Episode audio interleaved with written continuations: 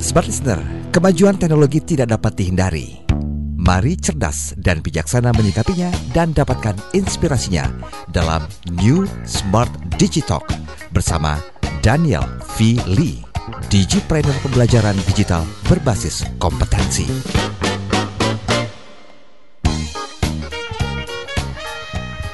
Smart listener dan juga sahabat yang bergabung bersama dengan kami dalam Smart New di Smart New Digitalk ya. Sorry, New Smart Digitalk. Saya Lanur Lija menemani Anda dan saya bersama-sama dengan Pak Daniel. Selamat malam. Selamat malam Ola. Kami kalau berdiri nanti kalau berfoto ya uh, merah dengan hitam itu sangat kontras. Iya, ada merahnya juga. Oh ya, Osaka. Osaka. Hari kedua di bulan Agustus ada yang menarik ada yang uh, menjadi sorotan banyak kita di eh, hari-hari uh, belakangan ini hmm. begitu ya uh, bukan cuma sekedar angka 8 juta tapi ini udah mungkin angkanya berkembang jadi puluhan juta. Miliaran mungkin. miliaran mungkin ya. Ini berkaitan dengan uh, kemajuan teknologi. Di situ begitu tangan kita kemudian me, apa ya menyentuh satu tombol saja kita memberikan persetujuan yes yes yes dan sebagainya. Merekonfirm semua merekonfirm tetapi kemudian ada yang sering kali kita lupa kita nggak pernah membaca secara tuntas apa apa yang ada di dalamnya kita pokoknya yang yang penting cepet gitu ya betul yang jadi penting cepet seolah-olah cepat itu me, apa ya menutup semua akses mata untuk membaca ya. ya. pokoknya ngelihat yes yes yes agree yes yes yes agree ya, gitu. tanpa kita pikirkan lagi. Tanpa kita pikirkan lagi. Nah apa yang kita mau bahas lebih lanjut malam hari ini berkaitan dengan kecepatan tadi itu. Betul. apakah kecepatan kemudian selalu berimbas kepada kebaikan gitu -huh, ya? -huh. kita akan coba uh, bahas lebih dalam. Tapi sebelumnya kita simak dulu apa yang sudah disiapkan oleh tim produksi kami. Buat pemikiran dari Pak Daniel. Kita simak bersama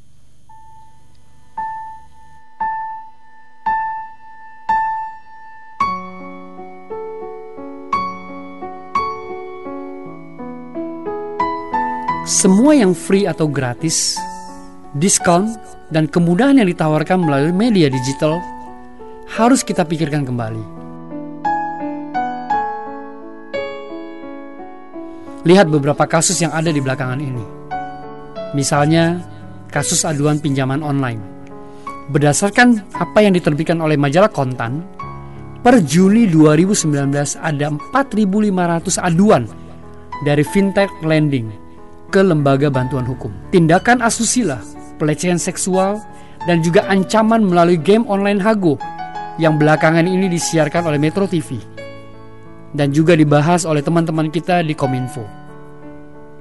Kemudian, tanpa kita berpikir panjang, sering sekali waktu kita melakukan instalasi aplikasi, kita sharing data pribadi kita kepada pihak-pihak yang kita tidak tahu akan apa yang mereka lakukan terhadap data yang kita punya.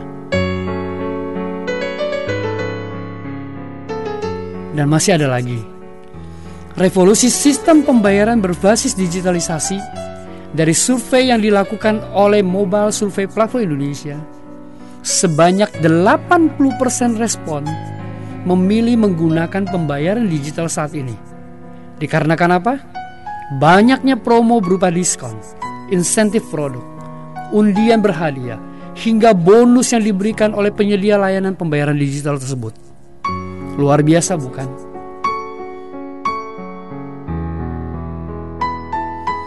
Perkembangan digital yang semakin maju telah mentransformasi banyak bidang termasuk industri usaha, bahkan sampai kepada UKM.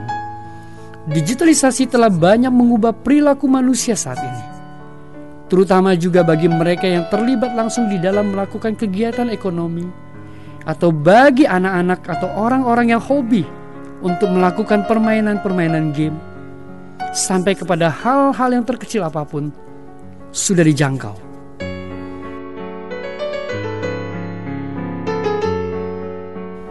Apa dampak yang Anda rasakan dengan hadirnya digitalisasi yang menawarkan segala sesuatu dengan free ataupun gratis, diskon, dan kemudahan-kemudahan yang ada. Pikirkanlah kembali tindakan kita, dan jadilah bijak, jadilah cerdas untuk memilih menjadi bagian daripada digitalisasi yang mengglobalisasi ini.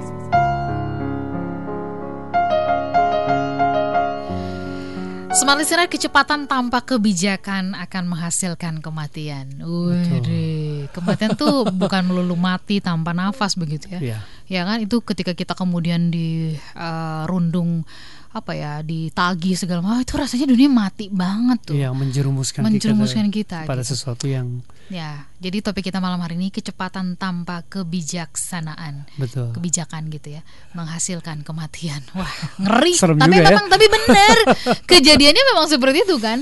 Betul, Orang betul. jadi frustasi gara-gara diteror yang soal pelecehan tadi, ya, game online game dan online, sebagainya. gitu. macam-macam termasuk tagihan dan sebagainya. Oke. Salah satu yang menjadi kecepatan pada ah. malam hari ini sebenarnya eh, Ola barusan tadi ada kejadian gempa 7,4. Gempa 7,4. Saya baru ngerasain itu semua udah ada di media sosial dan semua orang tahu. Mhm. Bisa bayang nggak kecepatan? Itu hitungannya second. Second. Tadi itu pada saat hal yang positif. hal yang positif. Dan itu udah mendunia loh, Iya. bukan di Indonesia, ah, bukan di Jakarta dan sekitarnya, tapi dunia juga udah tahu. Iya, Jadi iya. viral. Ya, tadi saya berada di berada persis di di di eh, jadi di belakang saya di belakang meja saya itu kaca gitu ya Getar. Oh, bergetar kencang sekali gitu saya pikir gini ini kan sudah malam ya jadi nggak nggak ada kemungkinan eh, lagi ada pekerja yang membersihkan kaca kan saya nggak bunyi bunyi gitu saya coba meyakinkan bahwa saya tidak salah lihat gitu kan dan dan dan benar itu semakin kencang sekali em, Ya. apa namanya Karena eh, 7,4. 7,4 lalu kemudian tiba-tiba Sanchez bilang berlindung di bawah meja sudah sempat ke kolong meja tapi kemudian oh turun aja kita semuanya ke bawah gitu kan karena makin lama makin Makin kenceng kencang, tuh ya. gitu kan seperti itu Nah, saking Ah. cepatnya informasi kita terima, Oke. demikian juga yang terjadi kalau Mhm. itu bukan hal yang positif. positif. Padahal kita mesti buka dulu deh ya. Em, apa yang kemudian didapat oleh manusia sih ketika unsur kecepatan itu yang di depan gitu kan. Ketika itu berbicara mengenai tadi catatan ada 4.500 aduan fintech gitu ya. Kenapa sih nggak dari awal aja mikir ini kan jadinya gitu kan ya.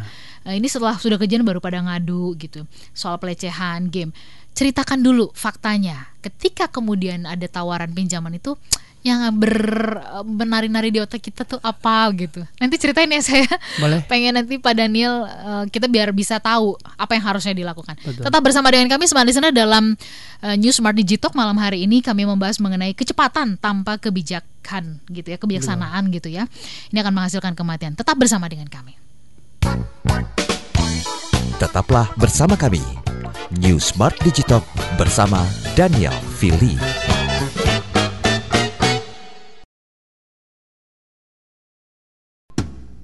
We take the time to listen to you. 95.9 Smart FM Jakarta.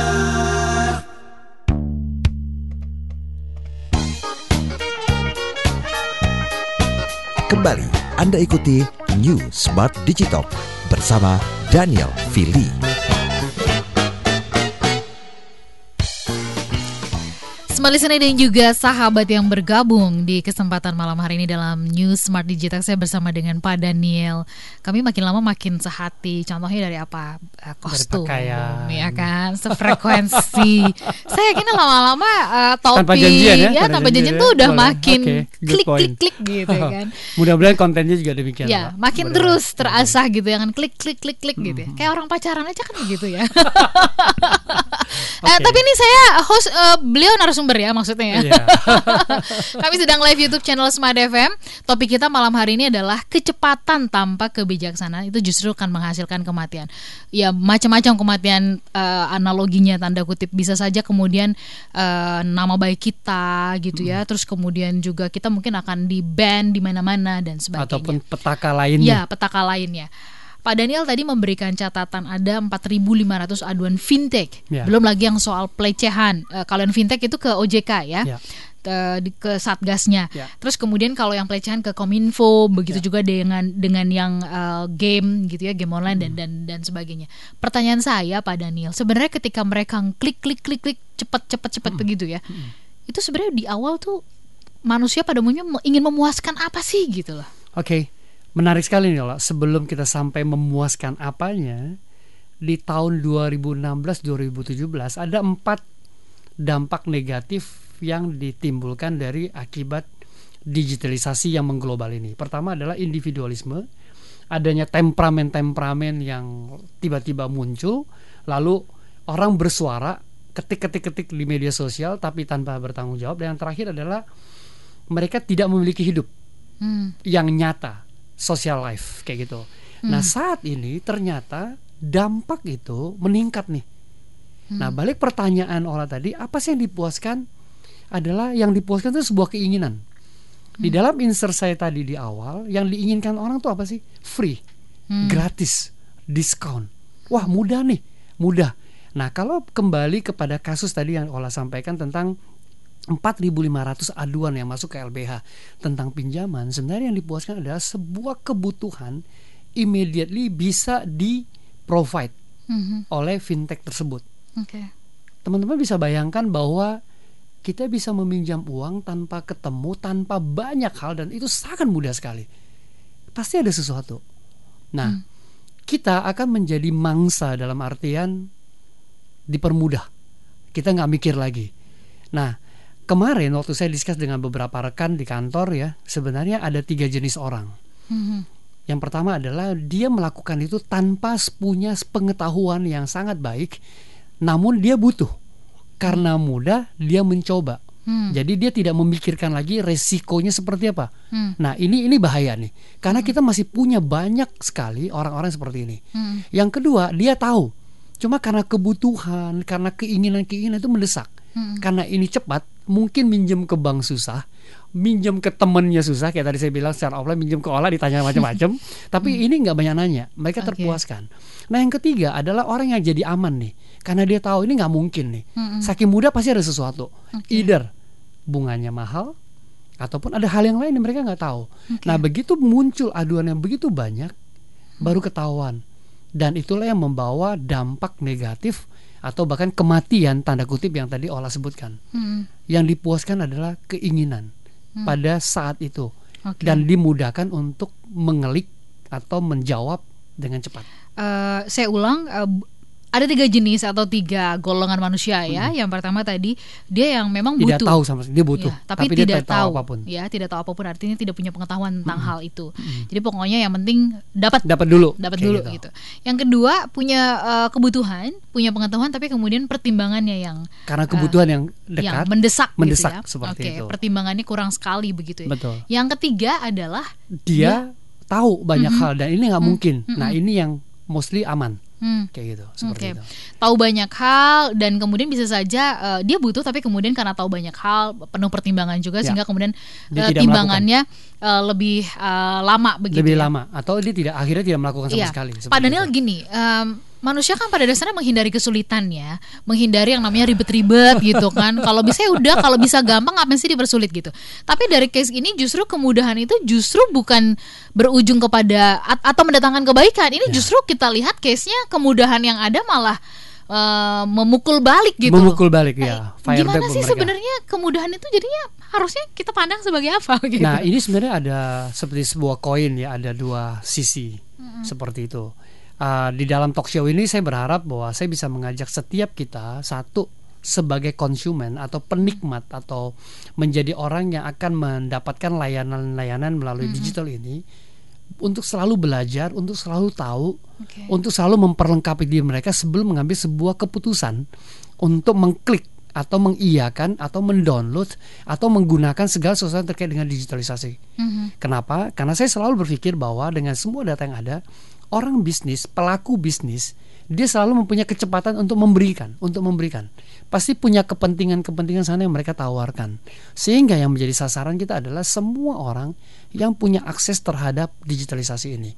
Bisa bayangkan kalau melalui data yang kita punya, jumlah orang yang akan akses ke digital, di digitalisasi ini adalah itu bisa kali tiga loh dari jumlah total penduduk Indonesia. Mhm. Artinya potensial bisnis seperti itu. Contoh paling gampang adalah semua orang bisnis online ditawarkan semua diskon belanja belanja. Dia nggak peduli kamu punya kemampuan belanja seperti apa. Bahkan dimudahkan. Contoh bisa tamasya tiga hari bisa bayar pakai cicilan 0%. Mhm. Begitu tamasya selesai cicilan 0% setahun. Mhm. Nah, mempermudah kan? Betul. Tapi banyak orang pikir, oh iya saya lagi pengen tamasya nih. Begitu selesai tamasya, tamasnya tiga hari, rileksnya tiga hari, Mm-mm. 12 bulan dia mulai pusing, untuk bayar cicilan. Bayar cicilan ya. Oke. Seperti itu. Nah, orang nggak mikir panjang seperti Oke. itu. Jadi sering kali mau me- ya kalau bisa jalan-jalan sekarang ngapain susahnya nanti? Ya Iya. udah nanti nanti nanti aja gitu Iya. ya. Berarti eh, artinya ketika kemudian eh, kemudahan itu mematikan pertimbangan, nah ini tanda ya. Tanda, eh, betul. eh, Pak Daniel bahwa ada ada eh, yang perlu kita waspada dari kemajuan teknologi Iya. tadi begitu. Seharusnya kemajuan teknologi nggak boleh mematikan eh, pertimbangan dan sebagainya. Harusnya enggak.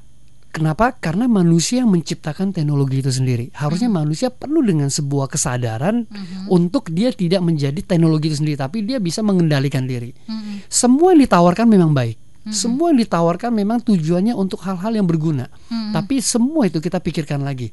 Apakah itu memang berguna untuk kita Mm-mm. pada saat itu? Nah, makanya kita mengajak kita menjadi cerdas, menjadi bijak untuk memikirkan memikirkan segala sesuatunya supaya pada saat kita berinteraksi dengan digital yang kita punya, dunia digital yang kita punya, kita bisa men- berinteraksi atau berkomunikasi dengan baik seperti itu. Mhm, mhm, Nah, itu itu itu memang tantangan sih, Ola. mhm. Kenapa? Karena kita lihat setiap hari lahir apps-apps baru, setiap hari lahir game-game baru dan lain sebagainya. Karena semua orang pikir apa yang mau dipuasin kesenangan mereka, Mhm. kebutuhan, keinginan-keinginan mereka. Mhm. Itu yang menjadi pertimbangan sebenarnya. Pertanyaannya sebenarnya memang kita nggak boleh punya keinginan. Nah ini, ini banyak mungkin kita yang bertanya loh, Pak Daniel, emang kita nggak boleh punya keinginan? Kan manusia wajar dong punya keinginan natural nggak sih itu? Gitu. Sangat natural. Semua punya keinginan. Semua dimulai dari punya keinginan dan hasrat. Pertanyaannya, seberapa ambisius, seberapa besar keinginan ataupun hasrat yang kita punyai. Lalu kita ukur seberapa besar kemampuan kita punya. Saya suka diskusi dengan beberapa teman-teman ketika kita lagi ngopi atau makan gitu ya. Bener nggak sih kalau kita suka membohongi diri kita sendiri kadang-kadang? Misalnya, ketika kita saya pengen deh olah cari kerja yang gampang, yang gak usah kerja keras, tapi gajinya gede gitu. Bermimpi. Oke. Ada nggak sih sebenarnya? Beberapa waktu yang lalu saya nonton di satu stasiun TV tentang 10 uh, youtuber yang menghasilkan uang Hmm. kayak gitu. Lalu ada satu komentar, gila si youtuber ini saya per bulannya penghasilan 600 juta loh. Mhm, mhm. Lalu si si si si, si pembaca berita itu mengatakan, wah berarti enak juga orang ini nggak usah bekerja. Hah? Mhm, mhm. Ketika dia menjadi youtuber, dia itu Oke. bekerja 24 jam untuk menghasilkan konten Mhm. yang nilainya bisa equals dengan 600 juta per bulan tadi gitu loh. Oke. Dia kerja setengah mati olah Hmm. gitu. Nah, apakah konten itu bermanfaat atau enggak itu lain hal. Tapi dia bekerja setengah mati untuk men- sampai kepada peringkat seperti itu. Mhm. Nah, itulah yang menjadi keinginan dia gitu. Nah, sekarang dengan digitalisasi, dengan kecepatan-kecepatan yang ada, semua orang bisa melakukan apa aja. Oke. Nah, ketika dia bisa melakukan apa aja, ini yang sangat menarik. Apakah yang dia lakukan itu membawa manfaat bagi orang lain, terutama bagi dirinya atau tidak? Seperti itu. Oke. Wow, ini menarik karena bicara mengenai itu membawa manfaat atau enggak sih? Se Ya. Gini, seberapa banyak sih kita yang berpikir bahwa itu membawa manfaat? Eh, membawa manfaat sama meng- menguntungkan tuh Dua hal yang berbeda. Itu dua hal yang berbeda. Oke, berbeda. ini ini menarik. Nanti kita bahas ya. Karena ini membawa untung sama membawa manfaat. Ke, tadi Pak Daniel mengatakan itu dua hal yang berbeda. Saya mau tajamkan itu nanti. Boleh. Saya gak gatel itu ya. Karena mikir gini. Karena tadi beberapa kali Pak Daniel mengatakan harusnya ini bisa membawa manfaat buat diri sendiri dan juga buat orang lain. Ini sama gak sih sama membawa, keuntungan? Silakan Anda yang ingin bertanya boleh pergunakan line SMS dan juga WhatsApp kami. Kami berharap Anda dalam kondisi yang baik-baik saja di mana pun Anda berada. Tadi memang sempat ada eh, terjadi gempa di beberapa, boleh dibilang kalau di di tempat kami di gedung eh, ini eh, hampir 30 detik terasa sekali begitu ya. Di di, di ternyata tuh di di Banten. Eh, saya tidak membacakan eh, posisinya Iya. karena tadi saya tidak mendapatkan catatan atau belum mendapatkan catatan tapi rasanya kalau anda nonton TV itu sudah banyak yang menginformasikan Atau di media Dan sosial sudah banyak sekali. di media juga. sosial juga banyak kami berharap anda dalam kondisi yang terbaik Betul, amin. mengingatkan eh, tidak ada salahnya kemudian menyiapkan surat-surat penting atau apa Yes, ya eh, pakaian uang seadanya untuk mengantisipasi jika ada hal-hal yang terjadi kami jeda sesaat tetap bersama kami Tetaplah bersama kami. New Smart Digitalk bersama Daniel Fili.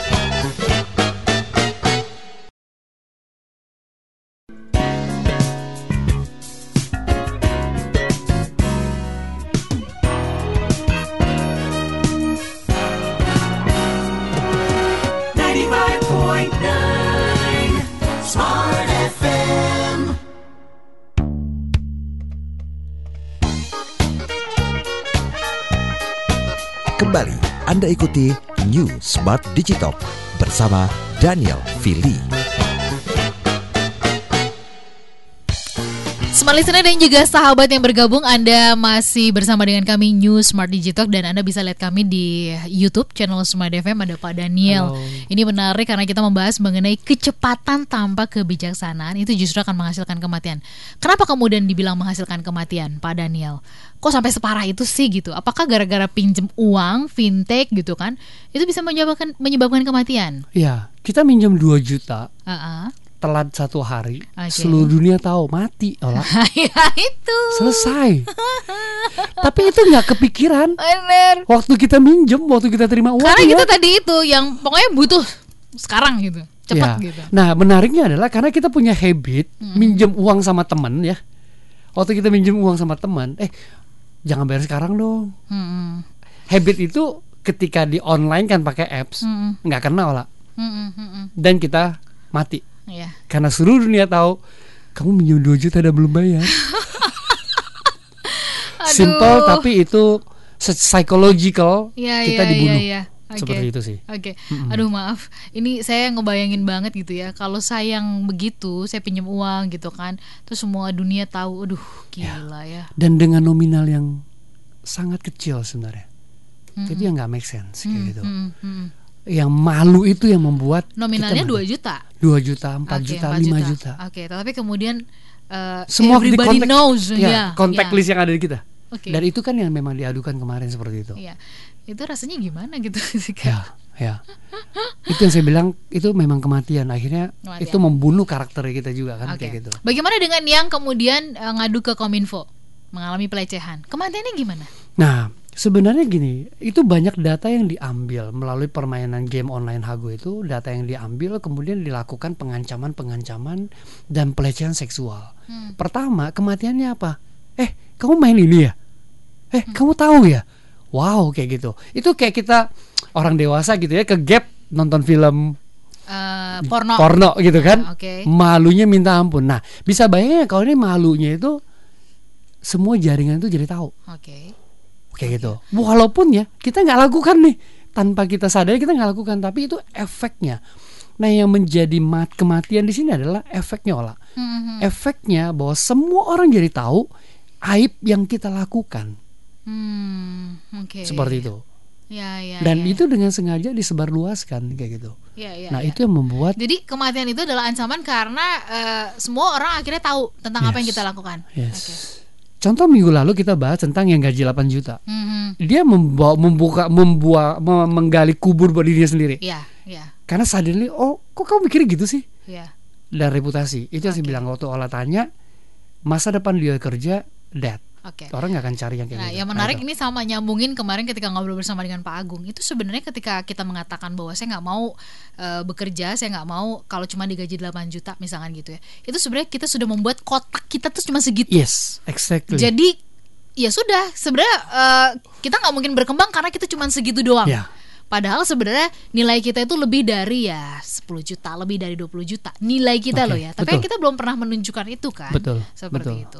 Eh, menggali kubur sendiri. melihat kubur sendiri justru yang saya mau sampaikan malam ini adalah bahwa ketika kita mempunyai begitu banyak kesempatan untuk menyampaikan segala sesuatu Mm-mm. pada saat yang bersamaan era digitalisasi ini membuat kita harusnya bisa mendapatkan begitu banyak konten untuk kita pelajari, Mhm. membangun pengetahuan, membangun Oke. skill kita untuk menjadikan kita jauh lebih kompeten. Jauh lebih kompeten. Pilihannya ada di kita lah, bukan di orang lain gitu loh. Iya. Semua itu ada kok. Iya. Buktinya orang bisa sekolah, PhD dan lain sebagainya secara online. Iya. Tapi ada orang menggali kuburan dan mengubur dirinya dalam-dalam sendiri. Ya. Nah itu kan ya koin bermata dua, Koin apa bermata dengan dua. dua sisi seperti itu. Oke. Tergantung di kitanya.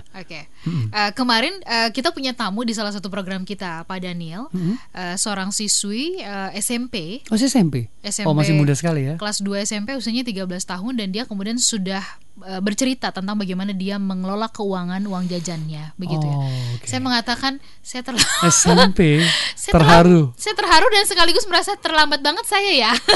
dan malu ya. Iya malu. Eh, SMP saya ngapain ya waktu itu gitu Ya. kan. Dan kemudian eh, pada saat kita talk show banyak yang nanya tolong sebutin Instagramnya apa? Karena saya ingin eh, apa ya memberitahukan kepada anak saya supaya anak saya mau belajar sama kamu gitu. Mungkin kalau orang tuanya ngasih tahu apa sih dad? Atau apa sih mam? Gitu kan. Tapi kalau sesama mereka gitu kan. Nah dia eh, berselancar di dunia media so- di sosial media tapi kemudian itu jadi kebaikan. Ya. karena banyak yang follow dia cerita banyak yang follow nih jadinya gitu. Betul. dan berbagi bagaimana kemudian eh, sok kalangan remaja itu menelad- Meneladani apa yang Iya. dilakukan oleh Iya, si siswi iya, tersebut kan iya seperti itu, itu menarik saya bilang bisa jadi loh usia 25 kamu bahkan sudah jadi konglomerat Eh, gara-gara bisa Iya kan sangat memungkinkan. sangat memungkinkan karena Ah. ini udah terampil mengelola keuangan gitu loh Pak Nah, Dani. buat eh, pendengar pada malam hari ini bagi kalian yang jadi orang tua, saya juga orang tua, kita tidak perlu tidak hanya perlu membawa anak kita untuk follow si siswi tersebut, tapi yang sangat membantu anak kita adalah peran kita sebagai orang tua Mm, mm, mm, untuk membantu mereka. mm, mm. Kalau perlu orang tuanya yang follow belajar dari anak itu lalu mengajarkan kepada anak-anak yang lain gitu. Kenapa? Karena yang saya takut di bagian parenting, digital parenting adalah kita coba mengalihkan tanggung jawab kita sebagai orang Oh, tua kepada orang ke orang lain. Oke. Padahal anak dekat sekali dengan kita, mereka terima uang jajan dari kita, Oke. mereka mempunyai begitu banyak fasilitas dari kita. Kalau sebagai orang tua kita dieducate dan kita belajar bersama-sama dengan anak, hasilnya akan luar biasa. Saya percaya banget itu. Mm. Dan ada tiga eh, tiga kali yang mengucapkan satu kata yang itu bagus banget. Apa? Saya berpikir, saya berpikir, Saya berpikir. Oke. Anak umur segitu ya. Anak umur segitu. Jadi Karena kita banyak melakukan sesuatu tanpa kita berpikir. Exactly. Jadi kata Just Pak, do it. Ya, jadi kata Pak Eko, nah ini nih kali kata ini penting sekali nih bawalah gitu ya. Dan ini saya juga jadi terharu gitu. Iya ya, dia mengatakan saya berpikir nih, Mbak, saya berpikir nih Kak, saya berpikir nih gitu. Itu luar biasa tuh. Nah, artinya di kemajuan teknologi ini semestinya untuk mengimbangi eh, apa namanya kecepatan tadi, berarti kita harus Berpikir. berpikir. berpikir ulang. Berpikir Seperti di ulang. insert saya uh, tadi sebelumnya adalah apa yang ditawarkan semua itu pikirkan lagi, Mhm. pikirkan lagi, Mhm. menjadi bijak dan cerdas. Oke, kita ke SMS ya, Pak Ya. Daniel. Ada Samuel yang bergabung bersama dengan kita. Ya, Selamat selamat malam, Pak Daniel. Samuel. Salam kenal dan saya baru dengar nih programnya katanya di Smart FM ya. Oh oke. Ya nggak apa-apa, memang ini baru. jadi kita terus Udah eh, sebulan sedang, kita. ya kita terus memperkenalkan diri tentang program ini Betul, karena betul. ini eh, saat semua orang sedang membicarakan mengenai kemajuan teknologinya, kami tarik sedikit gitu ya. Kita keluar dari track sedikit, kita bikin track baru. Track baru betul betul. Untuk mengajak kita semuanya aware dengan kemajuan Ya, teknologi yang lebih kepada ada, people-nya, soft people-nya. skill-nya dan sebagainya. Samuel eh, nanya gini, dua pertanyaan ya Pak Daniel. Yang Ada dua, pertama ya. adalah gini, kan eh, berbagai informasi yang masuk, yang kita baca, ya, yang datang itu tiap hari tuh kayak air bah, Pak Oh, Daniel ya. gitu kan. Mana sempat kita kemudian memilah-milah gitu ya, secepat itu semua datang. Itu yang pertama. Kemudian yang kedua gitu ya, ketika kemudian kita sudah eh, apa ya kejebak dengan situasi artinya kita lebih tergantung kepada kemajuan teknologi itu jadi pokoknya kalau nggak ada itu kayaknya dunia mati gitu ya dunia kita tuh kayaknya mati dan mati gaya apa yang mesti kita lakukan silakan Yang pertama mana sempat? Jawabannya simpel. Hmm. Sempatin. mana sempat Sempatin. oke Caranya gimana? Be selective.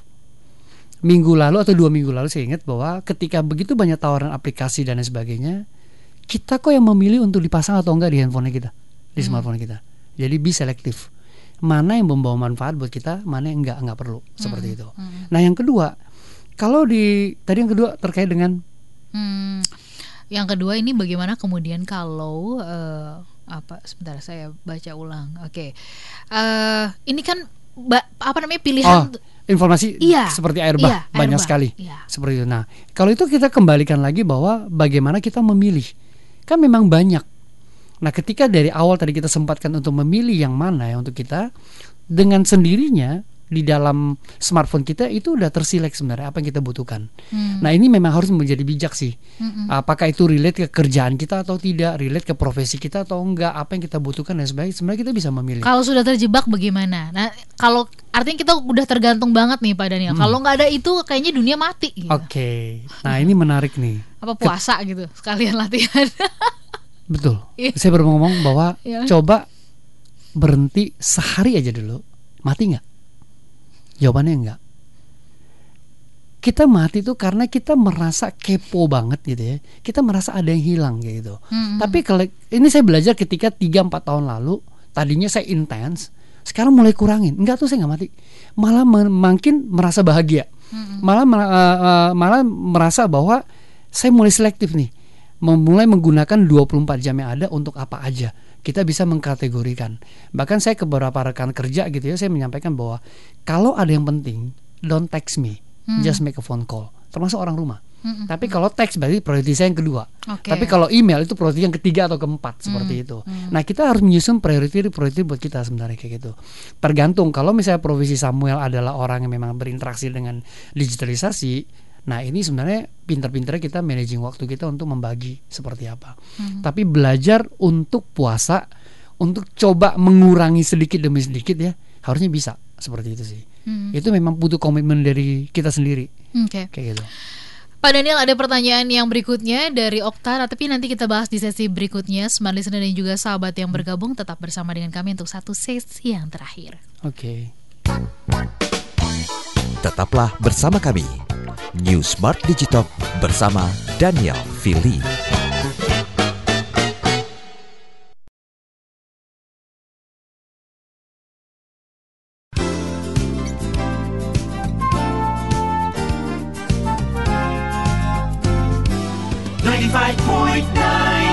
Smart FM Jakarta.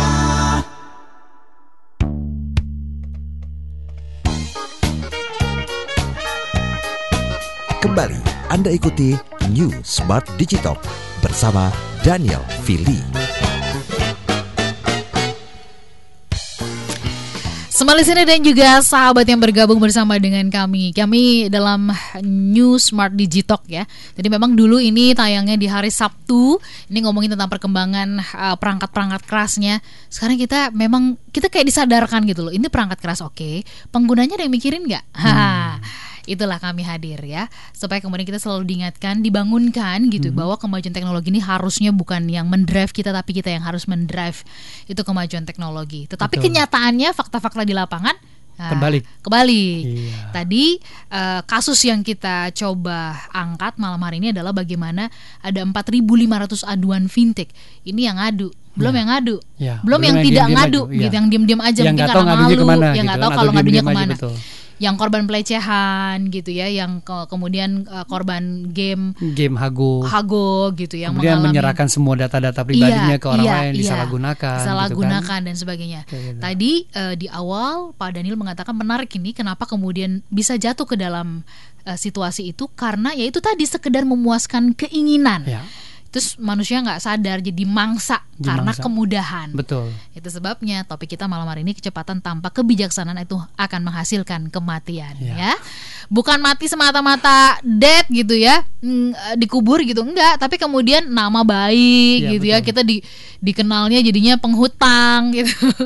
Atau nonton uh, apa tayangan yang tidak senonoh, tidak senonoh dan betul. sebagainya gitu. Itu muka mau taruh di mana gitu. Tiba-tiba semua orang tahu gitu semua ya. orang tahu. Waktu kita masuk kantor oh itu arahnya kan nyengir gitu ya. Kenapa? Iya. Gitu. gitu.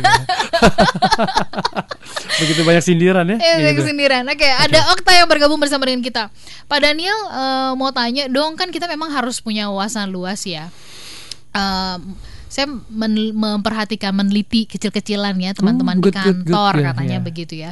Yang uh, nonton yang buka yang kemudian uh, terpapar YouTube ya tayangan-tayangan sosial media yang bagus itu selalu jadi open minded katanya. Yeah. nah kalau yang sebaliknya ini kenapa jadi kesannya kayaknya sempit sekali pemikirannya ya dan selalu menganggap dirinya paling benar begitu.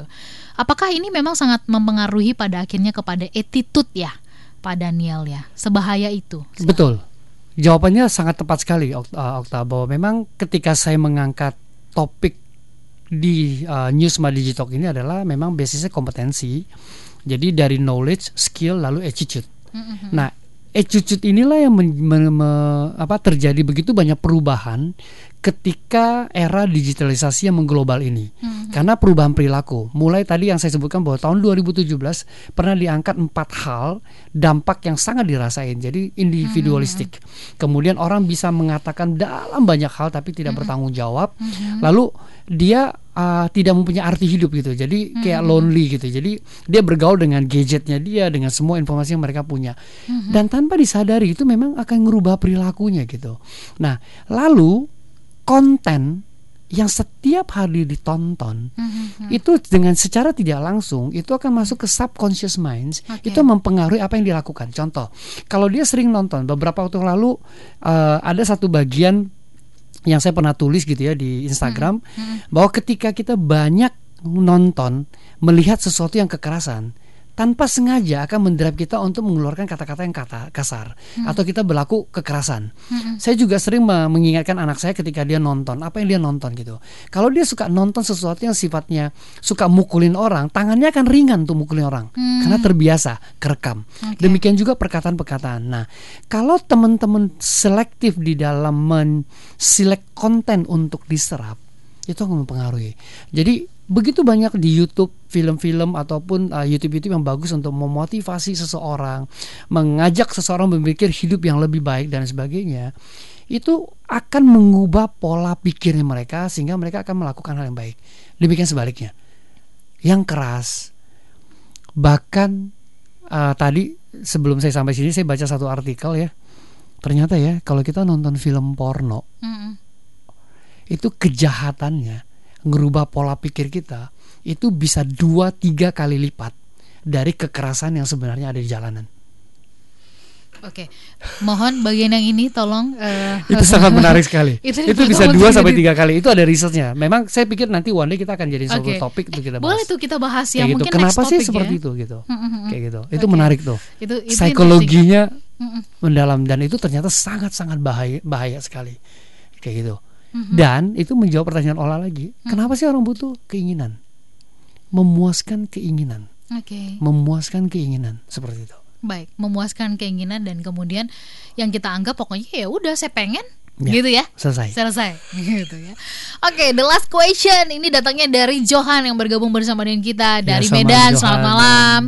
Eh, Bung Daniel, saya mau tanya nih ya kan eh, nggak semua orang punya pemikiran ideal seperti Anda begitu ya. Maksudnya memikirkan sampai sedalam ini gitu kan. Biasanya kita sambil lalu aja ya, sudahlah gitu. Eh, apa saran Anda supaya kemudian orang tua bisa ambil bagian gitu kan untuk touch lebih banyak lagi kepada anak-anak kan kayaknya agak kaku kalau membahasakan atau ngomongin ini kepada anak-anak katanya. Oke. Saran saya sebenarnya ini bukan jualan sih, teman-teman. Pertanyaan itu sangat menarik. Saran saya adalah dengerin Smart FM. Ih, tada. Serius. Tahun 2012 Oke. saya sendiri sampai hari ini saya nggak akan lepas dari Smart FM. Semua orang saya perkenalkan Smart FM karena konten yang luar biasa sampai kepada digital parenting Mm-mm. Yang ada dari RPI teman-teman RPI kan? Mm-mm. financial setiap hari Rabu dengan Pak Iya. Eko. Motivasional dari Pak Eloy. Kemudian sampai sales melakukan segala hal itu konten yang luar biasa. Cukupkan dengan konten itu hidup hidup anda pasti berubah saya jamin. Mm-mm. karena saya udah ngalamin. Itu yang pertama. Yang kedua sebenarnya saya tidak ideal melalui pengalaman hidup saya dengan keluarga kecil yang saya punya melihat perkembangan dunia digitalisasi sementara saya menjalankan atau membangun sebuah bisnis di memang digital innovation and animation. Melihat bahwa peran saya sebagai anak bangsa untuk ikut terlibat ambil bagian membuat sumber daya manusia Indonesia itu lebih cerdas, tidak dipengaruhi, tidak mengikut-ikutkan diri dengan semua konten yang akan merubah cara pandang dan perilaku mereka. Mm-mm. Saya pikir ini sesuatu yang memang saya setiap hari akan saya sampaikan. Mhm. Bahkan di kantor, ke teman-teman pun saya selalu memberikan hal-hal yang sifatnya dampak positif negatif, positif negatif. Nah, saat ini yang dikerjakan di kantor pun kita melakukan hal-hal yang sifatnya untuk membangun kualitas manusia karena manusia itu sebenarnya luar biasa olah. Mm-mm. Manusia itu punya kemampuan yang sangat hebat. Jangan sampai manusia menciptakan teknologi yang mengeluarkan digital saat ini itu malah menjadi slave dari perkembangan digital. Dan kalau kita lihat banyak sekali loh. Saya kasih contoh yang paling gampang teman-teman. Ketika kita nginstall satu aplikasi pembayaran online, ada tawaran gratis 30%, 50%, kita habiskan setengah jam untuk ngantri minuman.